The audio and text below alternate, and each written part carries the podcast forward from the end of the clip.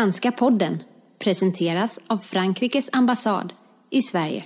Christophe Ducastel, merci de participer avec nous à cette journée internationale des forêts 2021 sur Franska Podden. Vous êtes ingénieur agronome de formation et actuellement en charge des projets et programmes biodiversité à l'Agence française de développement. La restauration des forêts est le thème de cette journée internationale. Concrètement, qu'est-ce que l'on entend par restaurer une forêt? Cette restauration, elle doit être regardée à l'aune de, euh, des niveaux euh, de déforestation et de dégradation des écosystèmes.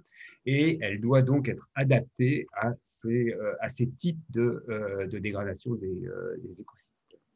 Un autre point peut-être que je pourrais rappeler, c'est que restaurer ne euh, peut pas laisser penser que l'on va rétablir un état initial des écosystèmes, dans la mesure où effectivement euh, ces déprédations que subissent ces milieux naturels et en particulier les milieux forestiers sont des déprédations euh, fatales. Néanmoins, il existe effectivement des mécanismes et des processus qui permettent de, de rétablir certaines fonctionnalités des écosystèmes forestiers un écosystème forestier naturel porte en lui-même effectivement un certain nombre euh, d'anémités, en particulier la biodiversité, le stockage de l'eau, le stockage du carbone, la protection des sols, sa capacité à produire un certain nombre de services économiques, le bois énergie, mais aussi l'habitat, l'alimentation, la réhabilitation ou la restauration des écosystèmes forestiers, elle ne peut être envisagée qu'à travers une priorisation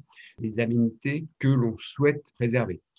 Prendre un exemple. Une des premières choses que l'on souhaite euh, rétablir, c'est euh, la protection des bassins versants, car euh, la dégradation des écosystèmes forestiers, elle porte en premier lieu et de façon très visible sur la perte de capacité à maintenir les sols en place, à stocker de l'eau dans les couches inférieures.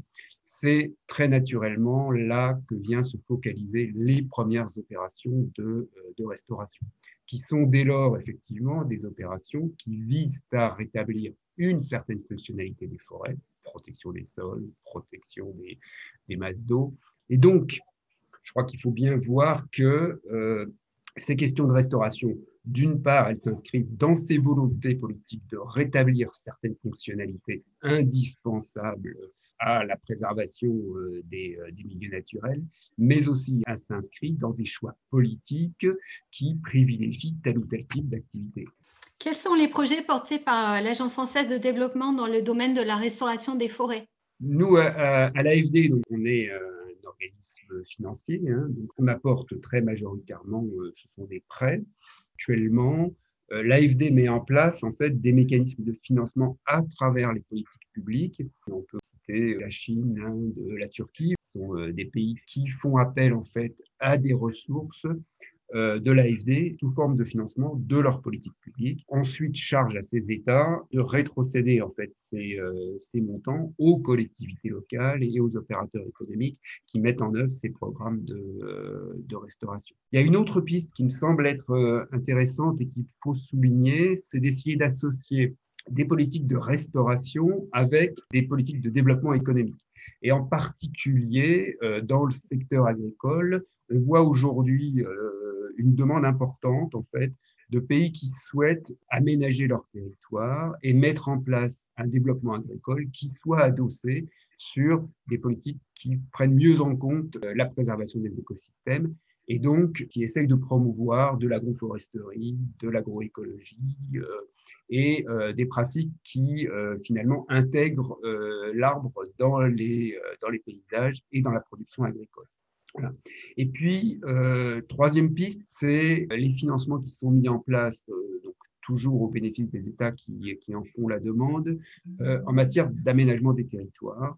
On observe aujourd'hui que de nombreux pays, en fait, souhaitent effectivement avoir un meilleur travail sur euh, ces questions d'aménagement du territoire et donc de mieux intégrer euh, les espaces naturels, voire les espaces à restaurer, dans leur politique euh, de développement. Ces politiques d'aménagement du territoire nous permettent d'inscrire en fait une plus forte responsabilisation des acteurs sociaux et économiques dans ces paysages-là et donc de mettre en place des politiques de protection et de restauration Avez-vous des projets en partenariat avec la Suède?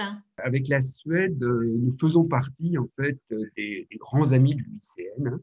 Euh, qui, comme vous le savez, est de l'organisation qui est euh, à travers le monde en charge de suivre et d'évaluer les politiques environnementales qui sont mises en œuvre par, euh, par les pays.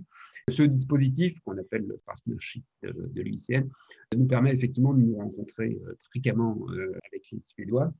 Peut-être un autre, un autre exemple de collaboration que nous avons avec, avec les Suédois se fait à travers un organisme qu'on appelle donc le Stockholm Environment Institute, qui est une organisation euh, de recherche qui travaille euh, sur, sur des thématiques environnementales et en particulier qui a fait un, travail extrêmement intéressant euh, sur le soja et sur l'impact de la consommation de soja par les Européens en matière de déforestation. Cette organisation a mis en place un dispositif qu'on appelle TRACE qui permet effectivement de suivre le risque de, de déforestation porté par les importations de soja, et en particulier en Europe. Or, nous avons mis en place en, France un dispositif qu'on appelle la stratégie nationale de lutte contre la déforestation importée, qui vise justement à réduire l'impact des consommateurs euh, européens euh, sur la déforestation tropicale elle doit se faire à travers une meilleure connaissance et une meilleure, meilleure traçabilité des produits qui rentrent euh, dans, l'Union euh, pour être, pour être consommés. D'où l'importance de ce travail qui a été réalisé par les Suédois et que nous avons intégré en fait dans notre stratégie nationale. Et, actuellement, nous sommes en dialogue avec l'Union européenne pour voir dans quelle mesure un dispositif de ce type-là euh, pourrait être euh, intégré au-delà des politiques nationales euh, françaises à une stratégie européenne permettant de réduire l'impact du consommateur européen sur, sur la déforestation tropicale. Christophe Ducastel, merci beaucoup. Mais c'est moi qui vous remercie.